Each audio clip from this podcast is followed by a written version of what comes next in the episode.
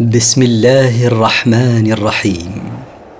مركز تفسير للدراسات القرآنية يقدم.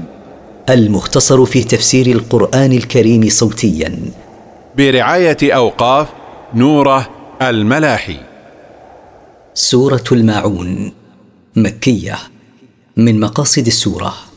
بيان صفات المكذبين بالدين. التفسير. أرأيت الذي يكذب بالدين؟ هل عرفت الذي يكذب بالجزاء يوم القيامة؟ فذلك الذي يدع اليتيم.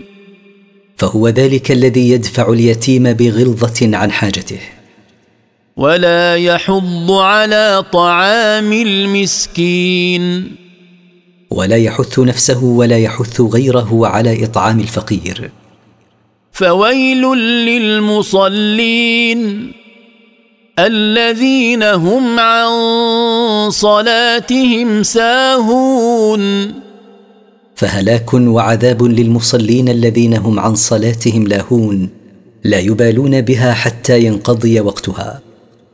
الذين هم يراءون.